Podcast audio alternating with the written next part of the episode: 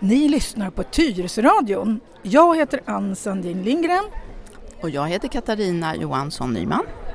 Katarina, vi har åkt in till den här stora staden, eller förorten som vi brukar kalla det för, som heter Stockholm. Vad gör vi här?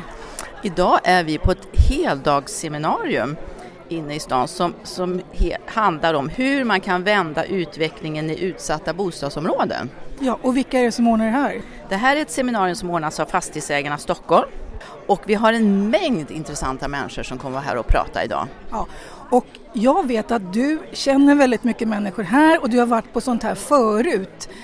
Eh, varför kan du sånt här? Jag har ju jobbat i fastighetsbranschen hela mitt liv eh, och jobbat som eh, bland annat som, som VD inom allmännyttan men också privata bolag och jag har också jobbat med trygghetsfrågor så att det här är naturligtvis frågor som, som man har stött på och blött under många år. Men det som är intressant tycker jag att det här har faktiskt fått ökat fokus nu och vi har ju faktiskt många politiker också som är här idag som ska prata. Vet du vet om det kommer många från Tyresö? Vi såg Maria Öberg, VD på Tyresöbostäder här ute, så hon kommer vara här idag. Det vet vi åtminstone, men det kanske kommer fler. Ja, och vi ska försöka eh, sammanfatta lite grann, för vi kommer inte kunna spela in jättemycket, men vi kanske kan få ha några Eh, ni ska föra lite glimtar under dagen. Är, är det något speciellt som du ser fram emot som eh, är van liksom att lyssna på sånt här? För det är både föredrag och sen är det olika såna här debatter. Ja, alltså det är ju alltid så att det är intressant att höra. Till exempel tycker jag faktiskt att det ska bli intressant att höra vad bostadsministern Per Bolund säger. Och han ska prata under, då under temat Hur kan stadsutveckling och bostadspolitik bidra till utveckling i utsatta områden? Sen, sen är man väl lite sådär med åren lite garvad så att det kanske inte ja, det kanske blir mer ord än, än, substantiellt från en politiker. Tyvärr är det ju ofta så, men jag tycker ändå det är intressant att höra. Mm. Eh, sen tycker jag allmänt sån här debatter är intressant. Eh, vi kommer ju höra till exempel Niklas Andersson, lokalpol lokalpolisområdeschef i Rinkeby. Han vet jag en jätteklok person. Eh, det är också en, en, efter lunch så kommer det vara en, en forskare som heter Charlotta Melander som forskar vid Handelshögskolan i Jönköping som pratar om urbaniseringens kraft och utmaningar. Hon är också jätteduktig och jätteintressant. Så det här jätteintressant dag kommer det här att bli för oss tror jag. Och du är här i en ny roll, eller hur Katarina? Ja, nu är vi här för Tyresöradion. hur känns det då? Ja, men det är jättekul. Ja. Mm. Och det är väl, de här frågorna är ju också väldigt aktuella. Alltså det är fullsatt. Det brukar det vara fullsatt på sådana här äh, fastighetsägarnas seminarier? Ja, det är väl lite olika naturligtvis, men, men det här är nog väldigt populärt och jag vet att det står folk i kö och jag vet att de har knutit in lite extra folk i lokalen just för att eh, det blir ju också alltid lite folk som inte dyker upp, men det är åtminstone 170 personer som kommer vara här idag. Ja, ja. Så nu ska vi äta lite frukost här på morgonen och sen ska vi rapportera under dagen. Så att ni får fortsätta lyssna på oss här från, eh, ja, vad är vi förresten? Från Clarion Hotel, Norra Bantorget. Ja, det är där vi är.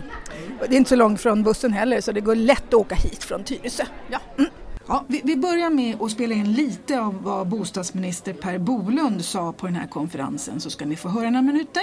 Det är också viktigt att vi inte bara tänker den fysiska miljön utan att vi också när vi eh, nu ska, ska ta tag i de här problemen också jobbar med Eh, de sociala strukturerna och då är det ju inte minst viktigt med eh, välfärdssystemen, att de fungerar och levererar. Eh, skolor, förskolor, att vi har arbetsförmedling, bibliotek, vårdcentraler, allt det som behöver fungera måste ju finnas på plats. Och det var också en av de slutsatserna som vi drog efter de krimsamtal som var mellan sju partier i, i Sveriges riksdag. Eh, att vi kan inte bara jobba med eh, de här hårda tagen. Det räcker inte med att bara stärka polis och rättsväsende utan vi måste också jobba mycket bredare. Och det är också någonting som polisen väldigt tydligt har pekat på. Att eh, ska vi kunna till, komma till botten med de här problemen, ja då måste vi verkligen se till så att alla jobbar åt samma håll. Vi måste till exempel lyfta socialtjänsten eh, och det var ju en av de punkterna som fanns med på regeringens lista var ju att göra insatser för att lyfta skolan i de här områdena och också lyfta socialtjänsten så att man har förmåga att jobba eh, mycket mer förebyggande. Och också uttryckligen att se till så att det finns socialtjänst som är på gatan, som är ute på kvällar och helger och kan snabbt ta itu med de problemen som, som finns, inte minst bland unga i de här områdena. Så det är ett brett angreppssätt som vi behöver ha och det är väldigt tydligt att det är så vi kommer att arbeta också eh, framöver. Eh, när vi nu rustar upp de här områdena så finns det ju också en möjlighet att lösa ett mer generellt problem och det är ju att vi behöver ha fler bostäder i vårt land. Det är tydligt så att vi har en växande befolkning men vi har inte riktigt tänkt med i bostadsförsörjningen. Så att eh, där tror jag att det finns en väldigt stor möjlighet att också koppla på eh, när vi rustar upp att vi också ser till så att det tillkommer eh, fler bostäder och i bästa fall också mer blandat bostadsbestånd så att vi kan också se till så att det finns möjligheter för människor med olika behov som vi ju alla har att kunna hitta sitt boende som passar min situation allra bäst. Eh, så att där tror jag verkligen att vi har möjligheter att, eh, att eh, också lösa mer generella problem som finns i samhället i stort när vi nu löser de här specifika problemen i de här områdena. Och när det blev paus då, då gick jag fram till den politiker från vår grannkommun Haninge som ställde en fråga till Per Bolund och kollade på hur det var med bostadspolitiken i Haninge. Ja, nu har jag hittat någon från grannkommunen som är politiker va? Mm, Petri Salonen, ordförande i stadsbyggnadsnämnden. I vilket parti då? Eh, Centerpartiet. Centerpartiet. Nu har du precis lyssnat på vår bostadsminister Per Bolund och du ställde en fråga, vilken då? Min fråga var att hur regeringen ser på att bostadsbebyggelsen har mer än halverats i Stockholmsregionen de sista två åren. Och eh, jag frågade honom hur regeringen avser agera. Ja, vilket svar tyckte du att du fick? Jag tycker att eh, jag är väl eh, lite halvmissnöjd med svaret. Jag förstår resonemanget men jag tror att eh, det, han gav en ganska dålig eh, uppfattning, eller vad ska man säga så här, han har ganska dålig insyn på hur det faktiskt ser ut i Stockholm. Han pratar väldigt mycket om dyra bostäder, den segmenten, men det är inte de vi bygger i Haninge. Vi bygger ju bostäder för vanligt folk. Så att jag förstår inte riktigt problemet. Men hur är det i Haninge? Har det blivit avmattning med byggandet i Haninge nu? Ja, Haninge, vi har, vi har, vi har mer än vi har mer än hälften av det vi vill, behöver bygga egentligen. Vi behöver bygga 750 lägenheter per år. Vi bygger cirka 360. Vad beror det på att ni inte kan bygga mer? Ja, det är så att aktörerna bygger inte, de sätter inte spaden i marken. Konjunkturen är väldigt svår, det har bara bromsat in. Så att eh, aktörerna bygger inte i den takt som de behöver göra, som vi vill önska att de gör. Och det han pratade om var ju att man har byggt väldigt mycket till människor som har pengar att köpa dyra bostadsrätter. Vad är det för bostäder man bygger till folk som inte har så mycket pengar då?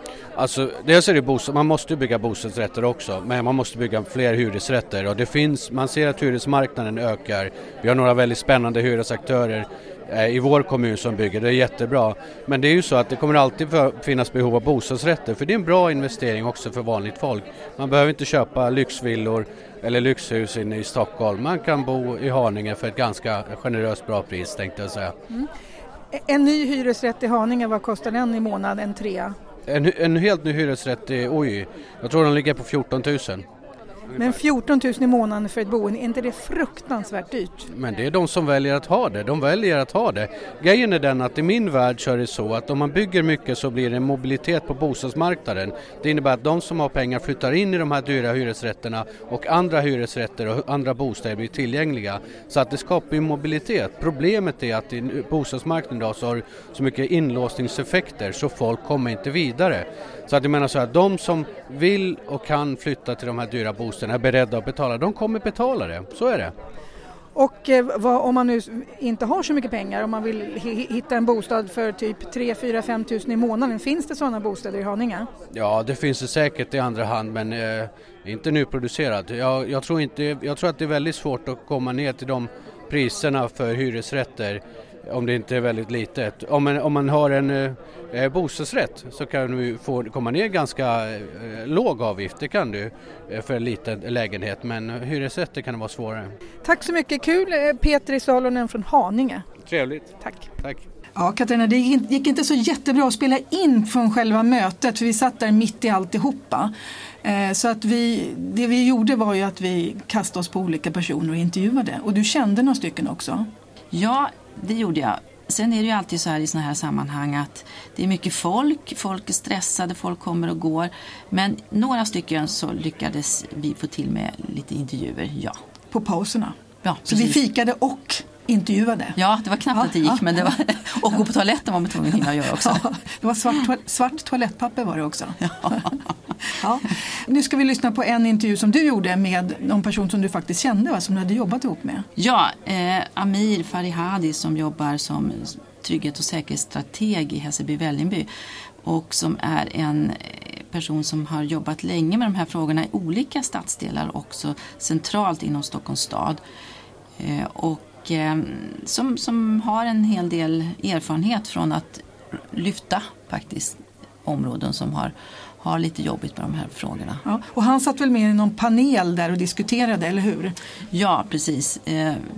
Det, det, är ju alltid så här i sådana här paneldiskussioner. Man hinner inte säga så mycket kanske och det blir lite kort och det blir lite fragmentariskt. Men, men han har ju erfarenhet från just Skarpnäck och det som kallas för Skarpnäckslyftet. Ja, det är ju fantastiskt kul. Och om vill ni höra hela den här seminariet, det var ju sju timmar, så ligger den ute på Facebook på Fastighetsägarna Stockholm. Och där ligger alla de här, då kan ni också titta och lyssna på det. Men vi har ju liksom gjort nedslag här utifrån en liksom lite Tyresö-perspektiv.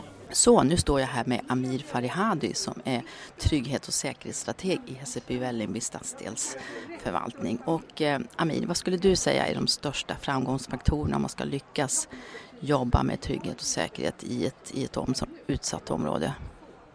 Först och främst handlar det om commitment mellan alla aktörer och en målbild och en vision vad man vill uppnå.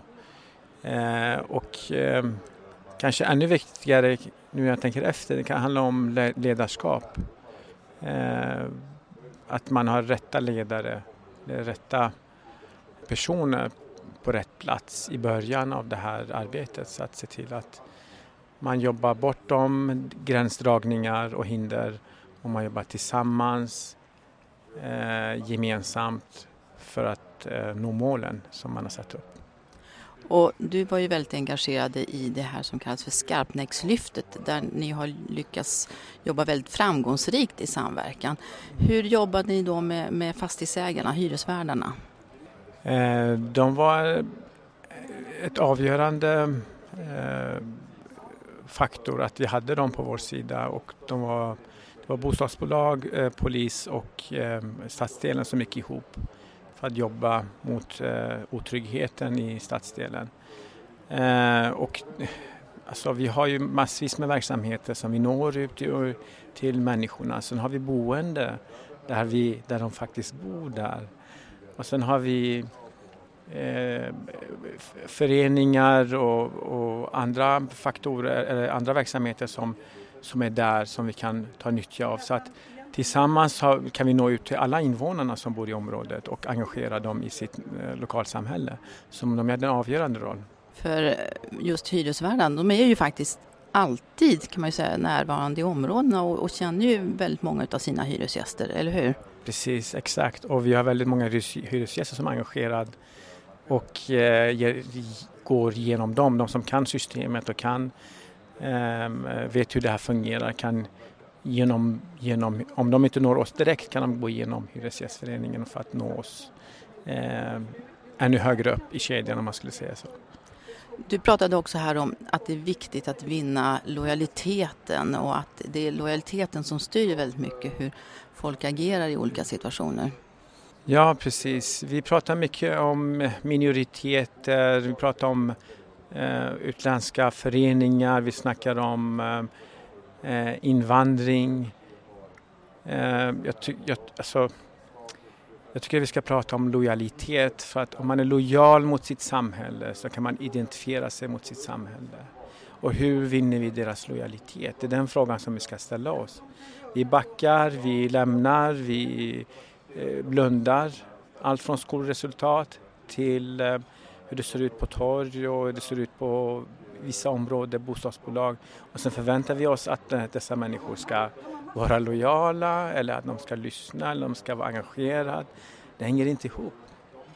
Och du är ju också en person, jag vet ju det eftersom jag har jobbat ihop med dig, du är en person som är väldigt mycket hands-on. Du gillar ju också att, visst man kan sitta och prata och, och göra fina planer men det handlar också om att, att komma till skott, att agera, eller hur? Ja exakt. Vi har för många mm, sammanträden där man sitter och tycker och tänker. Och all, med all respekt med det, men vi har, det är alldeles för mycket, alltså vi har alldeles för många sådana möten. Vi måste agera, vi måste komma framåt, vi måste ha eh, ett plan. Vi kan inte bara sitta och tänka och tycka, det vet vi redan, vi vet hur det ser ut.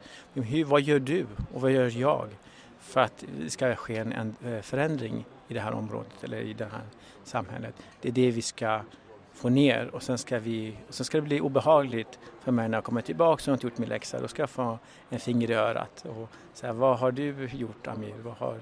Då kan man antingen säga eh, jag har inte lyckats, jag behöver hjälp. Då ska man få stöd och hjälp i den gruppen. Eller så säger man jag levererar och det här är resultaten. Då, och då, det är då, det är endast på det sättet man kommer fram. Ehm, vi har väldigt många som sagt forum där man sitter och tänker och tycker. Och jag vill inte vara en del av det. Jag vill hellre ha en, eh, lite, en doergrupp att, att, att sitta tillsammans och sen eh, gå framåt. Det är då man vinner folks förtroende, lojalitet, respekt, engagemang eh, för att få med sig. Om vi bara sitter still så kommer vi aldrig få med dem. Att leverera alltså. Tack så mycket säger jag till Amir Farihadi. Ja, det är kul att höra olika personer som är ute i verkligheten. Och jag tänker också så här att personer med invandrarbakgrund kan också ibland ha en lite annan ingång i det här. Och vi hörde också en annan väldigt intressant person som verkligen har erfarenhet från verkligheten och det är ju Hamid Safar som är barn och utbildningschef i Mullsjö kommun. Ja. Han har ju också varit sommarpratare, eller hur? Ja, och han har ju varit med i alla möjliga medier för han kallas ju rektor Hamid. Han fick ju en hel skola, Sjumilaskolan tror jag det var, i Göteborg att ändra sig och har ju liksom haft en metod att jobba med hela alltihopa. Så han är, väldigt, han är en väldigt storväxt person. Det ser ut som han är väldigt gammal men han är alltså i 30-årsåldern. Ja, så det är fascinerande. Mm. Och jag, jag beundrar ju honom så att jag var ju tvungen att kasta mig på honom när han satt och fika. Och han ville säga, kan jag få gå på toaletten först sa han. Och så fick han, fick han det? ja det fick han. Jag vill inte ha en kissnödig person att intervjua. Så nu får ni höra lite av eh, rektor Hamid som han då kallas i sociala medier. Hamid Safar. Ja, nu har jag hittat en av de personer som jag faktiskt har följt på sociala medier, okay. läst vad du säger på Twitter. Mm. Kul. Nämligen en kändis. Ja, du kallas för rektor Hamid. Just det, det stämmer. Du heter Hamid Safar. Ja. Jag kommer från Tyresö och vi har inget utanförskapsområde ännu. Vi håller på att få. Du hade jättebra exempel från Gårdsten. Mm. Kan inte du berätta, vad ska Tyresö göra för att vi inte ska få ett utanförskapsområde? Oj, där behöver man titta på andra utanförskapsområden och dra lärdomar av dessa. Vad, vad är det som har bidragit till det? För det är inte så att ett område blir ett utanförskapsområde över en natt eller över en vecka eller över ett år utan det här är ju, skulle jag säga, nästan alltid felaktiga politiska beslut som ligger bakom att utvecklingen går åt ett negativt håll. Och jag lyfte i mitt anförande här ett sådant exempel där man eh, hur till exempel eh, föreningsbidrag kan vara kan fungera kontraproduktivt. Eh, där syftet eller ambitionen är att det ska verka integrerande men det snarare verkar segregerande. Du menar när kommunen ger bidrag till olika föreningar? Precis. Ja. Och, och då oftast när föreningar söker, ansöker om uh, föreningsbidrag i de så kallade utsatta områdena så görs det ofta utifrån etniska skiljelinjer. Alltså det är olika kulturella och etniska föreningar som ansöker om bidrag och som, så organiserar de sig utifrån dessa skiljelinjer. Uh, där behöver kommunerna vara mycket tydligare och ställa höga krav på att man samverkar med andra föreningar, eh, krav på återrapportering, uppföljning och så vidare. Det är ändå offentliga medel som går till dessa föreningar. Du menar att man egentligen blir ingen integration, det blir egentligen ett bidrag till segregation? Jag skulle säga att det är oftast det det handlar om, att det blir ett bidrag till segregation. Det har vi sett många exempel på i många av våra utsatta förorter att besöker du till exempel Biskopsgården där jag har jobbat och verkat tidigare, där så är ju föreningarna organiserade utifrån sina kulturella och etniska markörer. Man, eh, du har en turkisk förening, du har en eh, albansk förening och så vidare. Men de, de sinsemellan har ganska begränsad samverkan. Mm. Du tog upp en jätteintressant bok som det är en professor som heter Peter Esaiasson mm. som har gjort i Göteborg. För du, du har verkat i Göteborg, du har varit rektor ja. för en skola. Ja. Eh, och du tog upp väldigt intressanta saker som mm. han sa mm. i sin rapport. En viktig slutsats som han gör utifrån sin studie i Göteborg är ju att bostadsbolagen kan spela en väldigt, väldigt viktig roll. För det som, det som många av dessa utsatta områden har gemensamt är att det offentliga har begränsad närvaro. Eh, stat och kommunen har mindre närvaro i dessa områden och då uppstår ett slags vakuum och det vakuumet kan bostadsbolagen eh, fylla. Därför de kan röra sig i området, ja, de är accepterade. De är accepterade, de har också egna starka incitament att upprätthålla en trygghet. Eh, de är mer flexibla och eh, de, de, de värnar om området. Och de, och de, har, makt, mer, de, de har makt. De har makt och de har kapital. Så bostadsbolagen kan definitivt spela en viktig roll och de, han menar att de är nu kanske inte ens medvetna om att de är en väldigt viktig och stark aktör i dessa områden. Du, du, tog upp Gårdsten, vad är det man har gjort bra där? Gårdstenbostäder som jobbar i Gårdsten, de är, det är ett kommunalt bostadsbolag som i över 20 års tid har haft en långsiktig eh, ambition att vända på utvecklingen. Gårdsten var i slutet på 90-talet ett av de värsta och mest utsatta områdena i hela Sverige totalt nedgångna lägenheter, mängder med tomma lägenheter, ingen ville bo i, eh, i Gårdsten. Och man tog ett samlat grepp om området, man eh, eh, satsade initialt på tryggheten. Och trygghet som jag lyfte i mitt anförande också, det är någonting som varje människa känner utifrån sina sinnesintryck. Du ska liksom kunna gå i ett område, det ska se rent och snyggt ut. Eh, och det skapar trygghet hos en individ. Och det valde man att satsa på. Sen satsade man väldigt intensivt på att samverka med de lokala aktörerna. Och det är inte så vanligt att bostadsbolag gör det, att man kallar regelbundet till samverkansmöte med rektorerna för skolan i området, med polisen, chefer från socialtjänsten och eh, fritidsgården och så vidare. Och så vidare.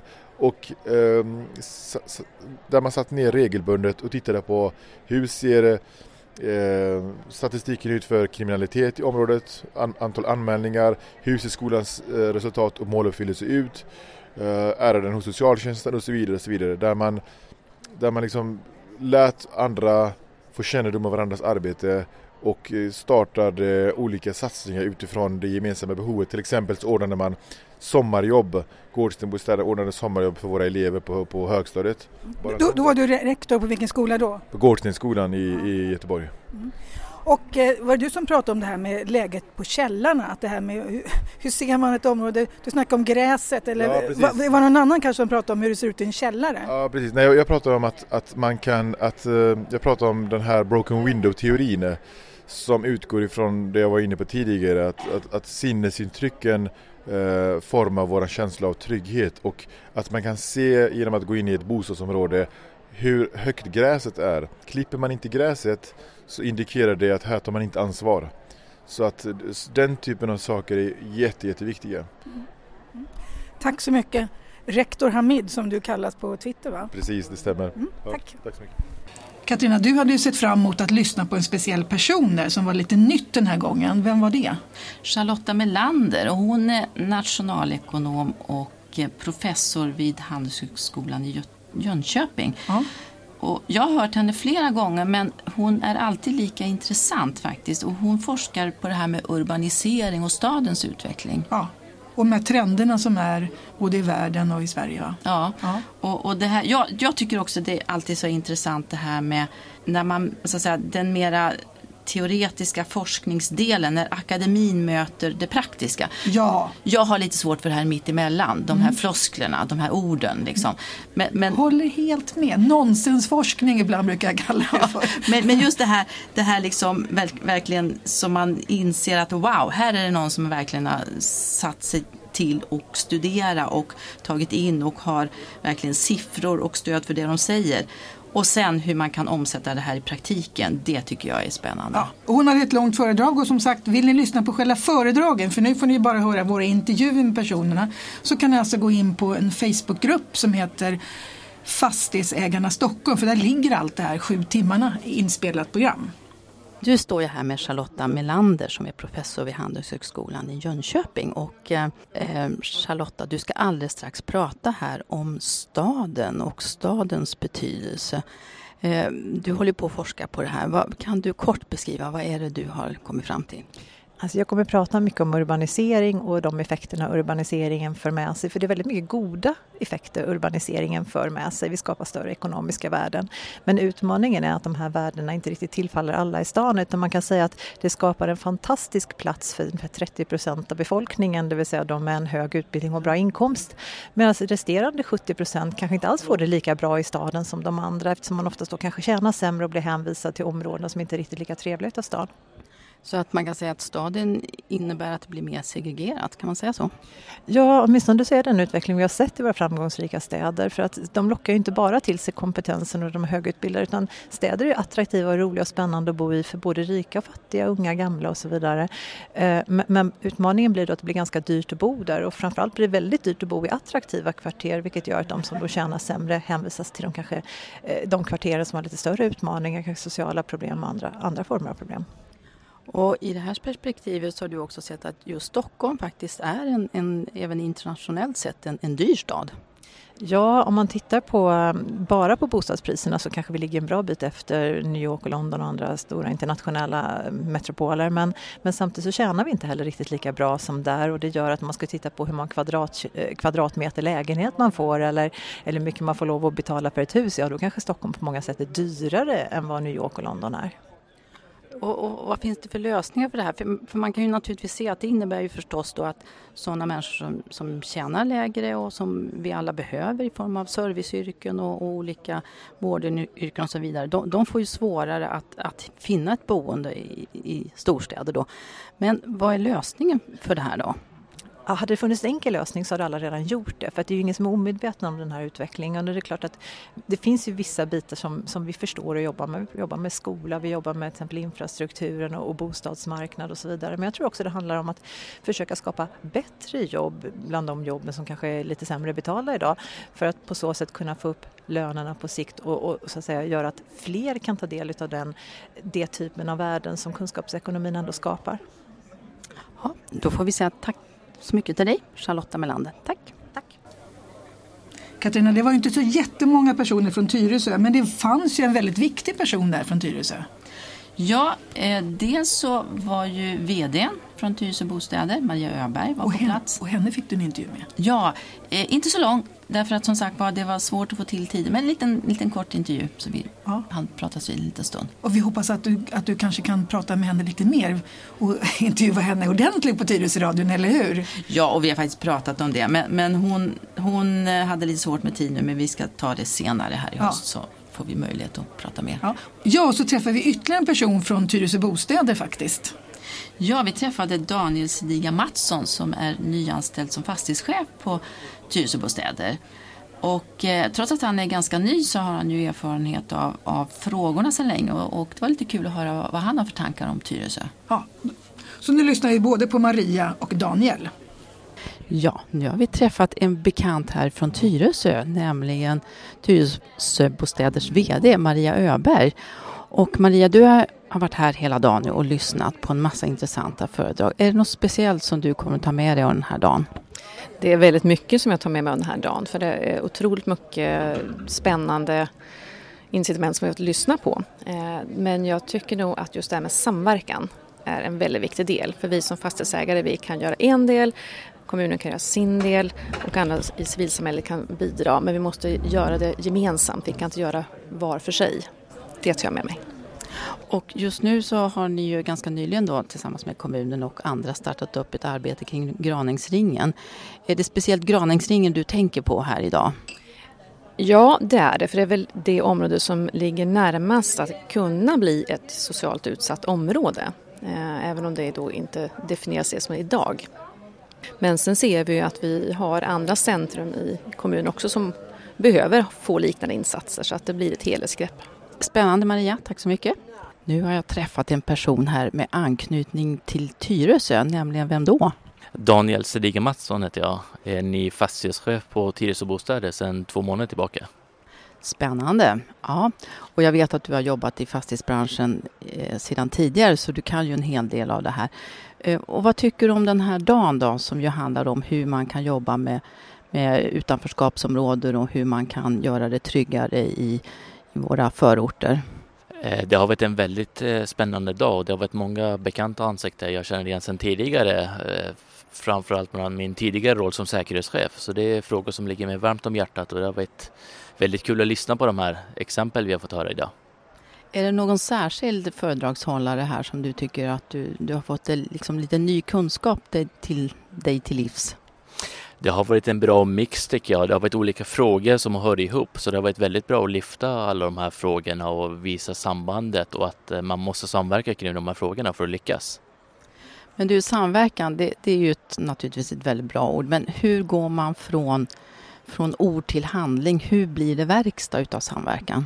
Eh, det är olika frågor. Vissa frågor är strategiska frågor och då måste man liksom ta dem på den nivån. Och andra frågor är liksom operativa frågor och där måste man liksom ha olika arbetsgrupper som jobbar med olika typer av frågor i olika grupper.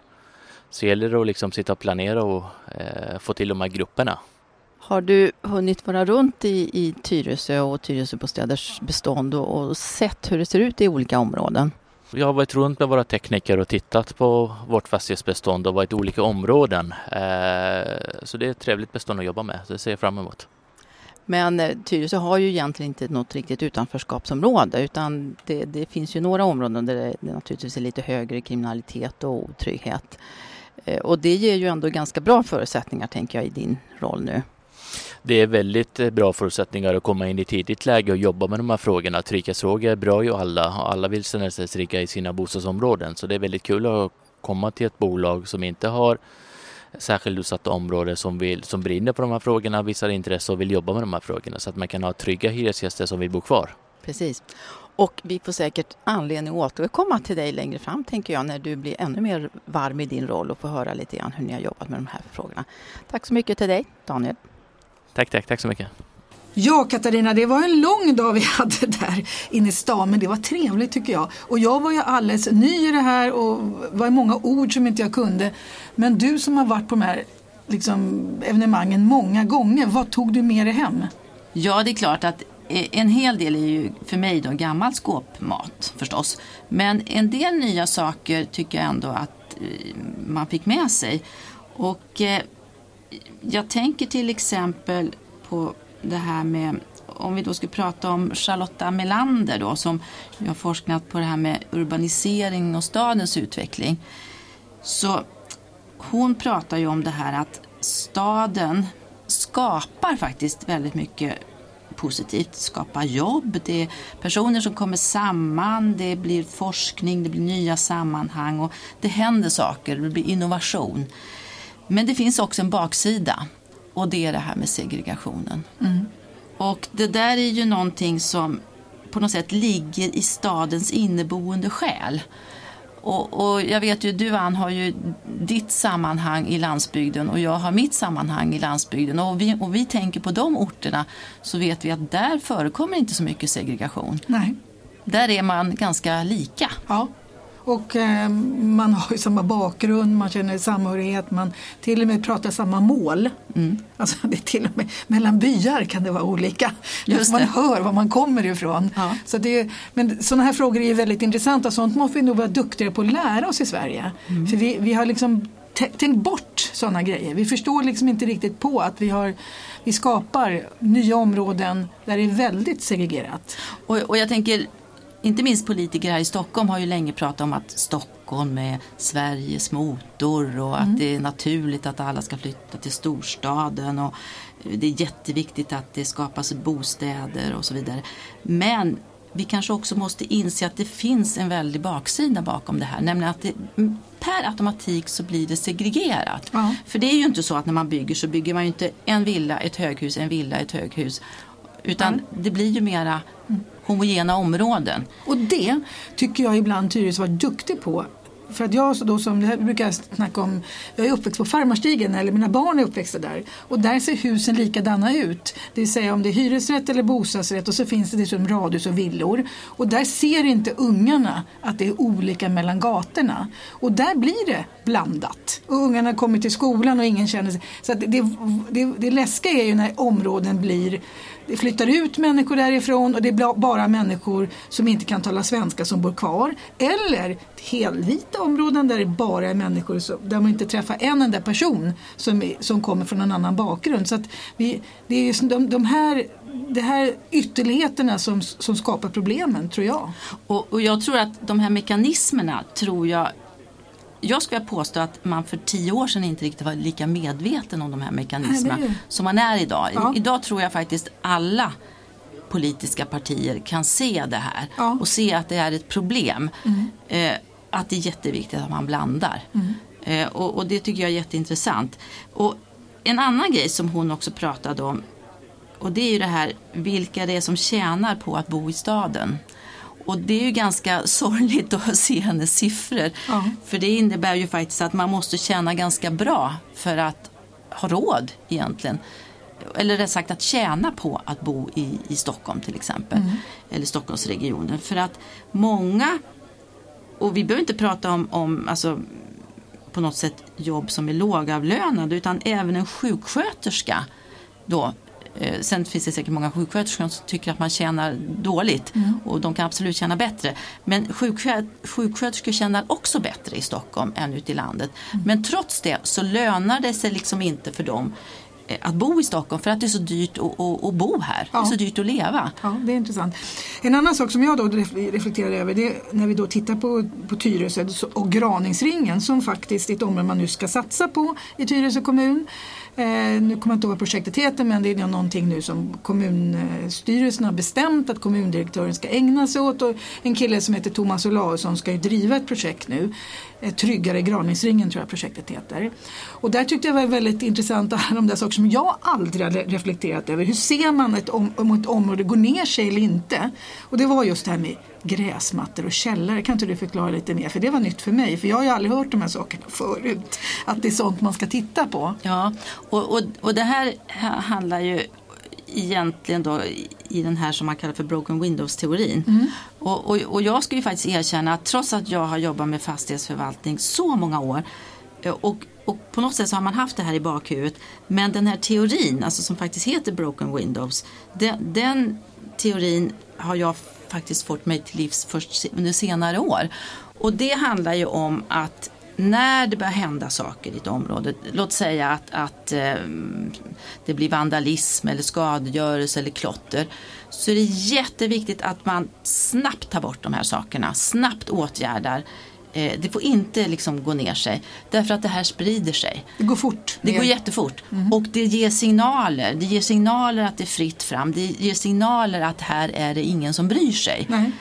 Och det är ju jätteviktigt att tänka på de här frågorna och, och, jag tror faktiskt att det var Pelle Björklund som på det här seminariet sa just det här med Vem är Pelle Björklund? För det ja, känner vi aldrig. Nej precis, Pelle Björklund han är före detta VD på Svenska Bostäder och han har precis alldeles nyligen faktiskt gått i pension och har varit VD i allmännyttan i en mängd olika bolag eh, under många år och är en, tycker jag, en väldigt, väldigt klok person.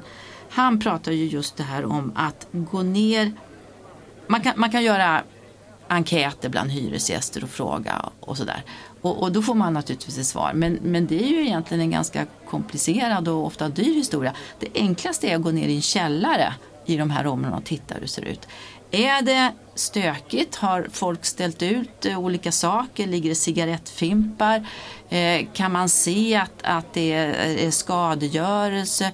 Eh, är det bra belysning? Mm. Och så vidare då får man en känsla för vad det är för, för område. Ja, och, och ännu värre var det också så här att om man går ner i en källare och ser att det inte förvaras möbler i låsta källarförråd utan här pågår det annan verksamhet då, då har det liksom gått väldigt långt. Då har man tagit över källan till någonting annat. Eller likadant de här parkeringsgaragen där det inte står bilar från de som bor där utan det pågår bilförsäljning eller annan aktivitet. Alltså sån här, det är ju liksom den våldsamma delen. Och, att, och, och, den grejen, det här med det man har gjort tror jag i Gårdsten, att man har, sett, man har sagt upp alla p-platser som där inte personens egen bil stod och man hade sagt upp källarförråden om det inte var så att de användes rätt sak. Så att man börjar ta tillbaka området. Sådana grejer till exempel tyckte jag var väldigt intressanta ur ett sånt här liksom, brottsförebyggande perspektiv.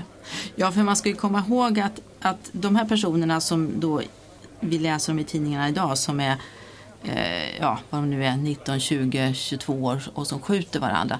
De är, har ju inte blivit förhärdade brottslingar på en dag. Nej. De har börjat någonstans. Ja. Och det börjar ofta i källan. Det är där man börjar Boa in sig. Ja, precis. Man boar in sig. Det kanske är lite snatterier. Man, man kanske håller på med lite tjuvrökning. Man, Mm. man, man, man gömmer knark åt någon annan och så vidare. Så att det är jätteviktigt att jobba med de här miljöerna. Nu nu ska jag tala om en lite kritisk synpunkt som jag fick. Och det är ju så här, så fort man hamnar i ett sammanhang där folk är inne i sin värld så är det väldigt mycket sådana här egna ord. Buzzword, liksom gentrifiering, ja det, det ordet kunde jag faktiskt men det är sån här liksom, det hör jag ingen annanstans. Förklara vad ordet gentrifiering är som vi, som vi fick höra i många, det tyckte jag är liksom återkommande ord. Ja, och det är ju väldigt intressant för det här är ju faktiskt ett, ett lite grann ett modord som har kommit under senare år skulle jag säga. Eh, Jag tror att jag kanske första gången hörde det för eh, tre, fyra år sedan eller något sånt där.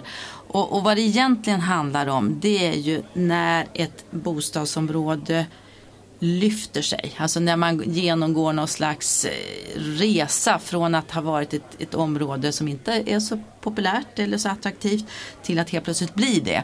Och, och bästa exemplet är ju Södermalm. Ja, där fattiga arbetare förut bodde. Ja, och precis. sen så rev man husen, byggde nya hus och så hade de inte råd att bo kvar.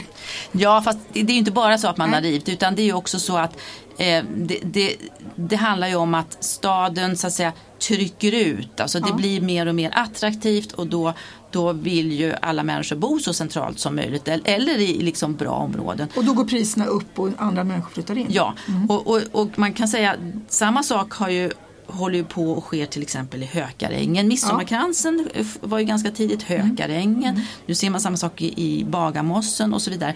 Och, och det är ju många diskuterar, det är ju är det här bra eller dåligt? Ja. För att det som ju ofta händer då i, i till exempel i Hökarängen, där jobbar man ju medvetet med att, att lyfta centrum till exempel. Och, och då börjar det med att då kommer hantverkare dit, konstnärer och, och sen helt plötsligt så kommer de här ä, andra kulturpersonligheterna, det är kanske folk som jobbar inom media, det är IT-människor och helt plötsligt så du vet så är det jätteballt att bo där. Ja, Bagarmossen tror jag är ett sånt. Ja. Ja. Kärrtorp är ett sånt. Ja, det börjar bli så. Ja. Och, och det är klart, fördelen är ju naturligtvis att, att då spär man ju ut de här mindre goda krafterna. För, för, för, för så funkar det tycker jag. Det är, fast det här vet jag inte om det är, jag är inte så påläst som du om det här, men jag tycker så här, en, i en skolklass så kan man ha två strulputtar, man klarar det. Men om strulputtarna är hälften av klassen då, då klarar man sig inte som lärare i den klassen. Så att det går ju, om majoriteten funkar så kan man ju bära några lite bus om man säger så. Ja, och det är ju precis samma sak här. Och, och, det, och det här att det är klart att om, om gentrifiering beror på att man det här lite grann som du var inne på, att, att man har byggt om och, och alla hyror höjts. Då, då är det klart, då är ju det naturligtvis inte bara bra. Men, men om det istället kanske beror på att man har byggt lite nytt och, och det kommer in lite nya människor och man, som du säger, man spär ut. Ja. Då, då, Då är, är det det, ja, då är det i grunden en ganska bra grej faktiskt. Och ett annat ord som jag då är extremt trött på, det är ordet samverkan. Ja. Det, för mig betyder det sitta i möten, sitta i möten, sitta i möten. Och det var ju i stort sett alla. Det, jag tror inte någon skulle, skulle man haft sån här bullshit bingo och liksom skriva upp hur många gånger vissa ord används så tror jag att samverkan hade vunnit. Ja, förstås. Jag, jag håller med dig. Det, det är ett ord som, som är, det är väldigt viktigt. Absolut, det är jätteviktigt. Men det är lätt att det blir liksom lite förtunnat i sådana här sammanhang. Men, men icke förty så är det viktigt med samverkan. Men jag tycker att man lite mer behöver prata om hur samverkar vi och vad är, Ja. vad är det som liksom blir bra samverkan. Och, och där tror jag, och, och det här tycker jag, vi, det här kan vi ju dra paralleller till Granängsringen nu, för Ja. det vet jag ju vår, vår nya kommunal, kommunchef pratar ju jättemycket om samverkan där uppe. Men det, det måste liksom gå från ord till handling. Ja. Och i samverkan tror jag det är jätteviktigt att man dels har bra strukturer. Dels så måste man fundera på vilka är med och samverkar. Och jag tror att man ska inte ha för stor grupp. Utan det är verkligen de som kan påverka och som har liksom ett rejält inflytande. Och där är fastighetsägaren extremt viktig. Jätteviktig. Mm. Och har, också, makt, har makt också. Ja, precis. För det, det, måste vara de som är med, måste ha en befogenhet. Ja, det är inte bara snackpåsarna som ska med. Nej, och det ska inte bara vara att man sitter och rapporterar utan jag tror också att det att man faktiskt ska göra skit i allt det här med minnesanteckningar och sånt där. Det, det är helt mm. ointressant. Utan man ska göra handlingsplaner, listor. Ja, vad man ska göra. Ja, precis. Det var några stycken som pratade om det faktiskt. Ja, ja. och var, varför ska vi göra det här? Eh, vad är det som ska göras? Vem är det som gör det? Och till när ska det vara klart? Ja. Och sen tror jag också att, att den som leder det här arbetet, om det nu är en projektledare eller en processledare eller vad man nu kallar det för, har en jätteviktig roll. Det är jätteviktigt att det här är en person som ligger på, tjatar eh, hela tiden. Ja, hur går det nu då? Hur, har du kommit någon vart? Hur, hur, jaha, du kan inte komma på nästa möte. Ja, men vem kan du skicka istället? Så att det här får prioritet. Jättebra. Och det kanske också ska rapporteras ganska högt upp. Mm. Mm. Det kanske till och med är så att man ska ha det här direkt under kommunchefen eller till och med rapporteras till kommunstyrelsen. Ja, du har helt rätt, för man måste ha befogenheterna och mandatet. Absolut. Annars funkar det inte. Nej. Nej. Eh, innan vi slutar så vill jag bara säga positiva grejer som också nu vi kan, ni kan lyssna på på Tyresradion Det är faktiskt din vandring runt Graningsringen för du tog med dig två kompisar som är också experter på, att säga, på det här med boendet. Och ni gjorde ett väldigt trevligt program om själva vad ska man säga, strukturen på Graningsringen eller vad ska man kalla det för? Ja, arkitekturen och utemiljön och jag gick ju där tillsammans med eh, en arkitekt och en landskapsarkitekt som är van att titta på områden utifrån någon slags, utifrån någon slags analysperspektiv. Ja. Då, hur, hur, man ska bygga bra områden och också ur det här med trygghetsperspektiv. Och vi kunde alla konstatera att, att vi tycker egentligen att Graningsringen är ett väldigt trevligt område. Ja. Och det är väl en bra liksom, utgångspunkt för, för, för vi, som sagt att Tyresö har inget så kallat, eller det är inte stämplat som ett utanförskapsområde. Alla pratar om Graningsringen. Och när vi spelade in det här programmet så har jag precis nattvandrat med Nattvandrarna och då gick vi igenom Graningsringen en sen mörk fredagkväll.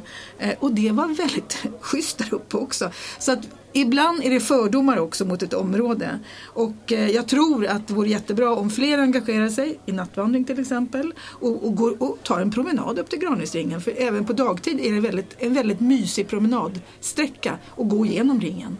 Precis, man skulle mycket väl kunna, precis som man går längs eh, Vättingestråket så kan man gå genom Graningsringen och titta. Ja. Jättetrevligt. Ja. Och eh, tack så mycket Katarina för att du, eh, ja, jag, jag hade fått den där inbjudan, numera får Tyresö en massa inbjudningar. Jag tänkte dra med dig och att du, du som faktiskt kunde analysera det här lite bättre för jag satt ju mest där och ja, jag, jag försökte hänga med. Men det, det, det, är roligt när vi liksom har två olika utgångspunkter och lyssnar på ett sånt här seminarium också. Ja men det var kul och det, och det är ju som du säger, jag, jag kanske är lite ja, indoktrinerad eller, eller vad ska jag säga, av de här äh, orden och, och, allt det här. Jag har ju hört det här många gånger. Så därför är det lite extra kul att få höra dig som lite grann kommer utifrån och som kan säga så här, det, där, det där är bara bullshit. Jag, jag tror inte att det är bullshit men jag tror att varje område har sina ord och att vi är väldigt duktiga på att prata i det här mm. landet. Mm. Och vi, eh, däremot att gå från ord till handling är inte lika lätt. Nej, nej, och det är väl det som är det krävs ju verkligen om man ska leva upp till den här rubriken som ju handlar om att lyfta utanförskapsområden. Ja. Tack så mycket. Jag heter Ann Sandin Lindgren. Och jag heter Katarina Johansson Nyman. Och ni har lyssnat på Radio Tyresö 91,4.